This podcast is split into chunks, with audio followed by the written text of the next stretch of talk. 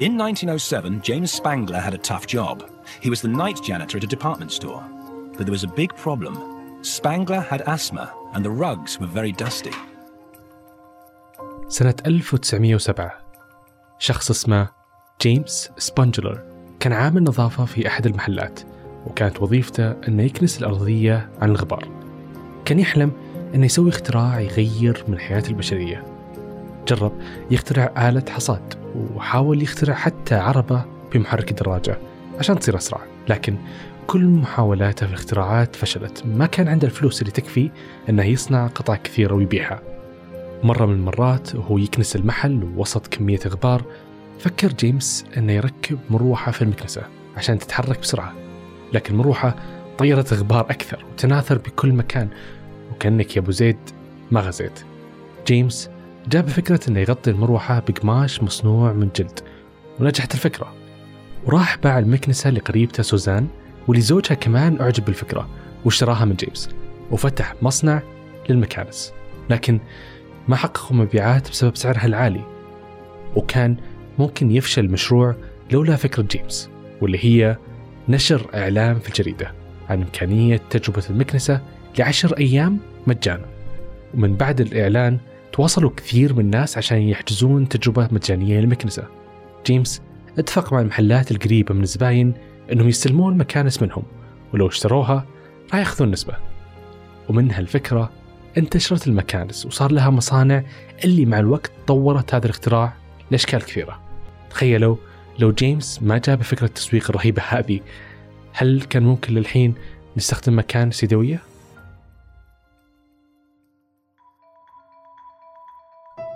مرحبا جميعا. أنا خالد قنيعة وهذا بودكاست عالم جديد المقدم من زين السعودية. مثل ما نشوف حياة أجدادنا مختلفة ونحاول نتخيلها من قصصهم.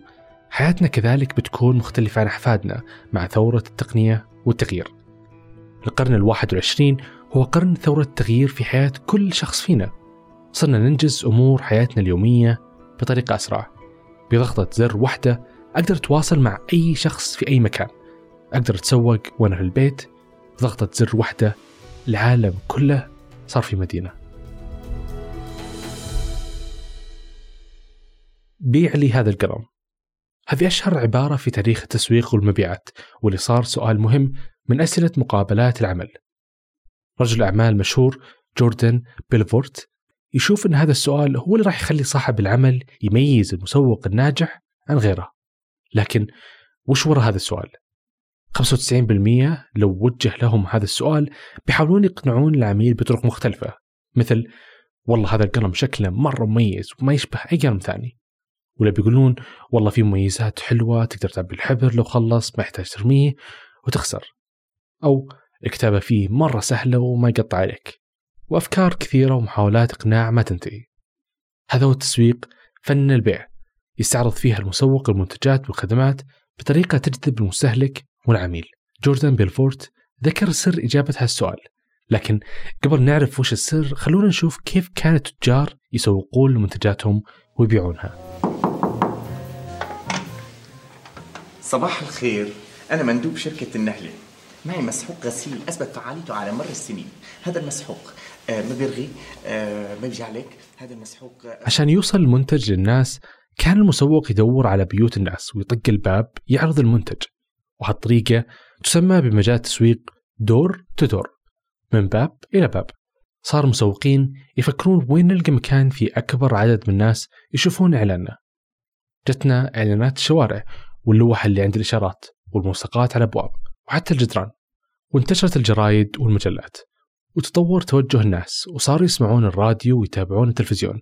ولحقتنا الإعلانات هناك وصار بين كل فاصل وفاصل يطلع لنا إعلان. لو وصل الإعلان لأكبر عدد من الناس هل ضروري كلهم يشترون منتج؟ أنا محمد أبو القنبز متخصص في التسويق الرقمي بشتغل تقريبا من عشر سنوات على مساعدة الشركات الناشئة كيف ممكن تزود مبيعاتها وتزود إيراداتها من خلال اعتماد استراتيجيات متعددة ومنها استراتيجيات معتمدة بالأساس على الأونلاين إذا بنتكلم عن التسويق بشكل أساسي اللي هو ال umbrella الأساسية اللي هو التقليدي ومنها انبثق اللي هو التسويق الأونلاين والرقمي واللي إحنا بنشوفه اليوم. فكرة التسويق إن صح التعبير كمصطلح offline هو إنه إحنا نترجم حاجات ورغبات الناس إلى منتجات وخدمات ملموسة. بيتم ترويجها بأساليب خلينا نحكي تقليدية. مثلا ممكن يكون إعلان من خلال الراديو أو ممكن يكون إعلان مثلا بالشوارع أو إعلانات حتى بالجرائد وهكذا. أما كتسويق إلكتروني اليوم شوي اختلفت وحتى طريقة إنه الوصول بالنسبة للعملاء صار أكبر وقياس النتائج صار أفضل وحتى التكلفة أقل. يعني أنت بالزمانات كنت لما بدك تيجي تعمل حملة تسويقية ممكن تكلفك خلينا نقول ملايين الريالات اليوم ممكن تكون تكلفتها أقل ونسبة الوصول تبعتها أعلى. فهنا المفارقة بين النوعين بشكل أساسي. ولكن كثير بيجوا بيحكوا إنه مين بنهي حدا أو مين بيلغي بيلغي يعني بمعنى إنه اليوم هل التسويق الإلكتروني بيلغي التسويق التقليدي أو لا؟ وفعليا فيش حدا بيلغي حدا لأنه زي ما حكينا هو أساسه آه، وتطور منطقي وطبيعي للتحول لما بنتكلم عن التحول الرقمي اليوم في تحول رقمي فهذا التحول الرقمي ترجم باتجاه إنه صار في عندنا انتشار للتسويق الالكتروني. تذكرون رجل أعمال جوردن بيلفورت اللي ذكرنا قصته مع بيع لي هذا القلم؟ يقول السر على إجابة السؤال هو قبل لا تفكر تبيع هذا القلم لازم تعرف من هو عميلك وإيش هي احتياجاته وإيش هي أنواع الأقلام اللي يستخدمها وهل يستخدمها للتوقيع بس ولا الاشياء يومية ثانية؟ لكن كيف يقدر المسوق يعرف كل هذه المعلومات؟ شوف هو بشكل أساسي إحنا بنتكلم عن شغلتين، بنتكلم عن شغلة اسمها حاجة وبنتكلم عن حاجة اسمها رغبه. فإذا إحنا بدنا نصنف المنتجات والخدمات اللي بنشوفها بطبيعة الحال إحنا بنصنفها، هل هي حاجة ضرورية أو هي رغبة؟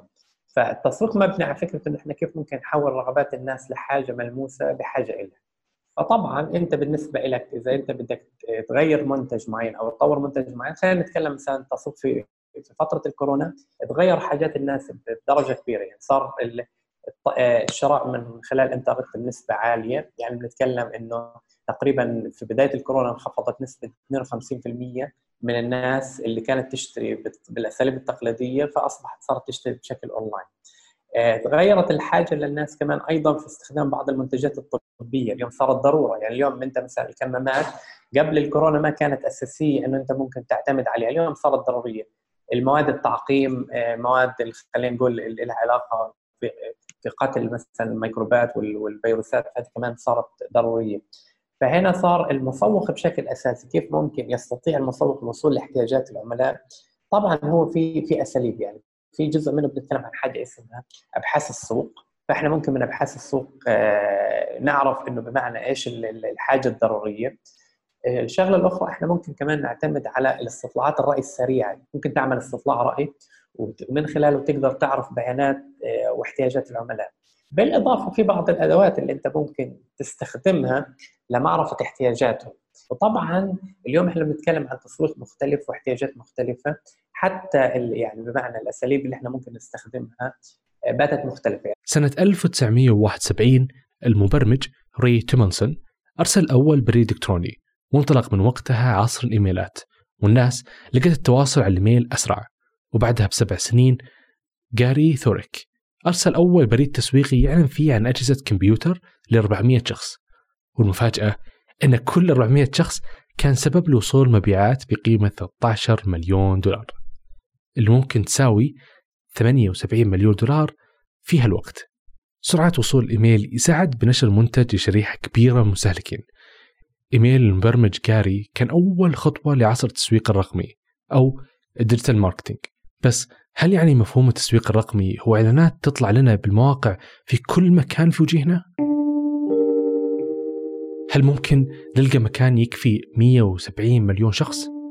في الحقيقة المكان هذا موجود وهو حرفيا بين يديك جوالك في تقارير سجلت أن عدد المستخدمين الإنترنت في سنة 2019 وصلوا ل 4.34 مليار شخص من حول العالم وهنا قدر المسوقين أنهم يوصلون لأكبر شريحة من الناس. طبعا في برامج التواصل الاجتماعي ومحركات البحث وغيرها من المواقع اللي تسمح لهم بعرض منتجاتهم. الآن أنت بالنسبة لك إذا أنت بدك تروح تستخدم الأساليب التقليدية في الترويج فأنت ممكن تروح تعلن في راديو أو تعلن في جريدة أو حتى تعلن في اللوحات في الشوارع. ولكن إذا أنت بدك تستخدم التسويق الإلكتروني فأنت اليوم ممكن تروح تستخدم الإعلانات من خلال ال social media. ممكن تستخدم فرضا إعلانات العلاقة في الواتساب إعلانات العلاقة بالإنستغرام بال story وهكذا. إذا بنتكلم عن المقارنات فطبيعة الحال أنت بالنسبة لك كمعيار قياس أنت بتقدر تعرف إنه كم شخص إجاك من خلال مثلا الواتساب. ولكن صعب تقيس إنه كم شخص إجاك من خلال إذاعة الراديو أو هكذا. فهنا كان هاي المقارنة الجوهرية والرئيسية. في سنة 2016 تفاجأ العالم كله بفوز دونالد ترامب برئاسة أمريكا على هيلاري كلينتون والأسباب كثيرة لكن كان واحد منها نجاح حملاته التسويقية واللي كانت تتبع التسويق الرقمي المرشح الرئاسي كان عشان يفوز لازم يحاول يوصل للشعب ويوعدهم بمطالبهم كانوا إما بلوحات إعلانية أو تلفزية وكثير من طرق التسويق التقليدية لكن هل كان يضمن صوتهم؟ هل كان يقدر يعرف مطالبهم كلهم؟ وهذا الشيء اللي قدم التسويق الرقمي لدونالد ترامب في حملاته الانتخابية على الإنترنت. خالد خلينا نحكي إحنا في عندنا حاجة بنقول عنها بي تو بي وبي تو سي حاجات B2B اللي هي business to business يعني أنا بالنسبة لي كشركة ببيع خدماتي لشركات أخرى أو B2C أنا ببيع ش... خلينا نقول منتجاتي لأفراد. فهنا معتمد عملية التسويق. لقيت B2B بشكل أساسي في لها أساليب تسويقية مختلفة. ال B2C خلينا نقول هنا بدي أبيع منتجات بشكل مباشر للعملاء. فممكن يكون ملفت انتباه اليوم أنت مثلا ممكن تدخل خلينا نقول مطعم برجر معين. فإذا أنت شفت إعلان داخل البرجر ممكن يشجعك لشراء المنتج. إذا بنتكلم خلينا نتكلم من ناحية فلسفية إنه مين أفضل؟ هل التسويق الإلكتروني أفضل من التقليدي أو لا أو بمعنى هل أجدى أو لا. هو فعليا النوعين بيجدوا يعني بمعنى النوعين لهم خلينا نقول لهم نتائج ولكن اللي هو الالكتروني نتائجه أعلى في ظل التحول الرقمي. في كل مرة نتصفح إنترنت أو نشتري منتج أونلاين إحنا نسجل بيانات لاهتماماتنا. محركات البحث تتبع اهتمامات المستهلكين. لاحظ هالشيء في مقترحات نتفليكس أكيد أنت تشوفها. طبعا نتفليكس هي تقترح لك المسلسلات. لما تنتهي المسلسل يجيك تنبيه باقتراح لمسلسل ثاني أو حتى لما تتسوق من أمازون. يقترح لك منتج مشابه المنتج اللي كنت أنت تبحث عنه. طبعا هذا بالضبط هو الذكاء الصناعي في التسويق الرقمي.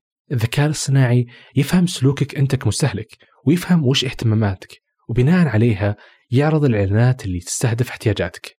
هذه المعلومات قديما كان مسوق مرة يتعب عشان يحصل عليها وتاخذ منه عمليات بحث طويلة. والآن يقدر يحصل عليها في خلال ساعات قليلة فقط. إذا بنتكلم عن الذكاء الاصطناعي خلينا نربطه في منصة منصة تمام؟ اليوم تويتر بيستخدم الذكاء الاصطناعي في موضوع الترند يعني بتوقع لك الترندات أو بتوقع لك المواضيع الشائعة. الجوجل نفس الفكرة بيستخدم لك الذكاء بناء على اهتمامات حتى في موضوع البحث. فخلينا نقول الخوارزميات اللي بيستخدموها الشركات معتمدة بشكل أساسي على التسويق فاليوم بات إنه أنت والله استخدامك للذكاء الصناعي بيساعدك في فهمك أكبر لاحتياجات العميل. تعال أنت خلينا نتكلم أنا وياك في موضوع له علاقة في البودكاست فممكن فجأة نلاقي إعلان على الإنستغرام له علاقة في البودكاست. فإيش يعني بنتساءل هل وسائل التواصل الاجتماعي بتتجسس علينا أو الإنستغرام بتجسس علينا أو بيستخدموا تقنيات معينة؟ هم فعليا بيستخدموا الذكاء الاصطناعي اللي هو بيبدأ على توقعاتك. كان في فيلم حتى عن نتفليكس بيتكلم عن نفس الموضوع. بيتكلم عن موضوع تحليل اهتمامات الجمهور بناء على الذكاء الاصطناعي. يعني اليوم أنت ممكن أي شخص يدخل حسابك في خلال حسابك خالد ممكن يعرف توجهاتك يعرف اهتماماتك يعرف خلينا نقول رؤيتك. فبناء عليه كل هاي التنبؤات بيستخدموا هاي ال data. ال data هذه بيستخدموا أدوات اللي هو الذكاء الاصطناعي في تحليلها. وفي المقابل لما بيستهدفوك من ناحية لغة إعلانية أو استهداف إعلاني بيستهدفوك بناء على هاي التوجهات. كل هذه التقنيات اللي مر فيها التسويق عبر زمن طويل وصولا للذكاء الاصطناعي هل خدمة الجيل الخامس الآن راح تغير من عالم التسويق الرقمي؟ الجواب أكيد. السرعة اللي تتفوق فيها تقنية الجيل الخامس بعشر مرات على الجيل الرابع راح تتيح لنا سرعة عالية من تشغيل مقاطع الإعلانات بشكل أسرع وهالشيء يخدم مسوقين في نشر إعلاناتهم بدقة عالية. ولأن الجيل الخامس كمان يدعم الواقع الافتراضي وهو أداة تستخدم في مجال التسويق التفاعلي. أبسط مثال عليها تطبيق إيكيا. طبعا تطبيق إيكيا الواقع الافتراضي تقدر فيه تجرب الأثاث وكأنه حقيقي في الغرفة قبل تشتريه. وهذا فضل تقنية الجيل الخامس. راح تساعد هذه التقنية كثير مسوقين على أنهم يملكون تحليل بيانات دقيقة في وقت حقيقي للمستهلكين من اهتماماتهم معلومات عنهم حتى يقدرون يطلقون الحملات المناسبة لكل فئة. طبعا خدمة الجيل الخامس تميزت فيها شركة زين لأنها تملك أكبر شبكة جيل خامس في الشرق الأوسط في 27 مدينة. ميزة سرعة هذه الخدمة راح ترضي تجربة كل من المسوق وكمان المستهلك في عالم التسويق. التسويق هو عالم من فن البيع وعرض المنتجات ولا يستغني عنه أحد سواء كنت صاحب مشروع صغير أو شركة ضخمة أو كنت مستهلك ومحتاج توصل للمنتج يناسبك. سعيدين لسماعكم لهذه الحلقة. أتمنى أنها نالت إعجابكم وأعطتكم فكرة عن موضوع التسويق الرقمي وارتباطه بالتقنية. لا تنسون مشاركتها مع كل مهتمين لمجال التسويق وكمان تقييمنا على بودكاست عالم جديد سواء على تطبيق أبل بودكاست أو أي تطبيق آخر تستخدمه. كان معكم خالد قنيعة. يومكم سعيد.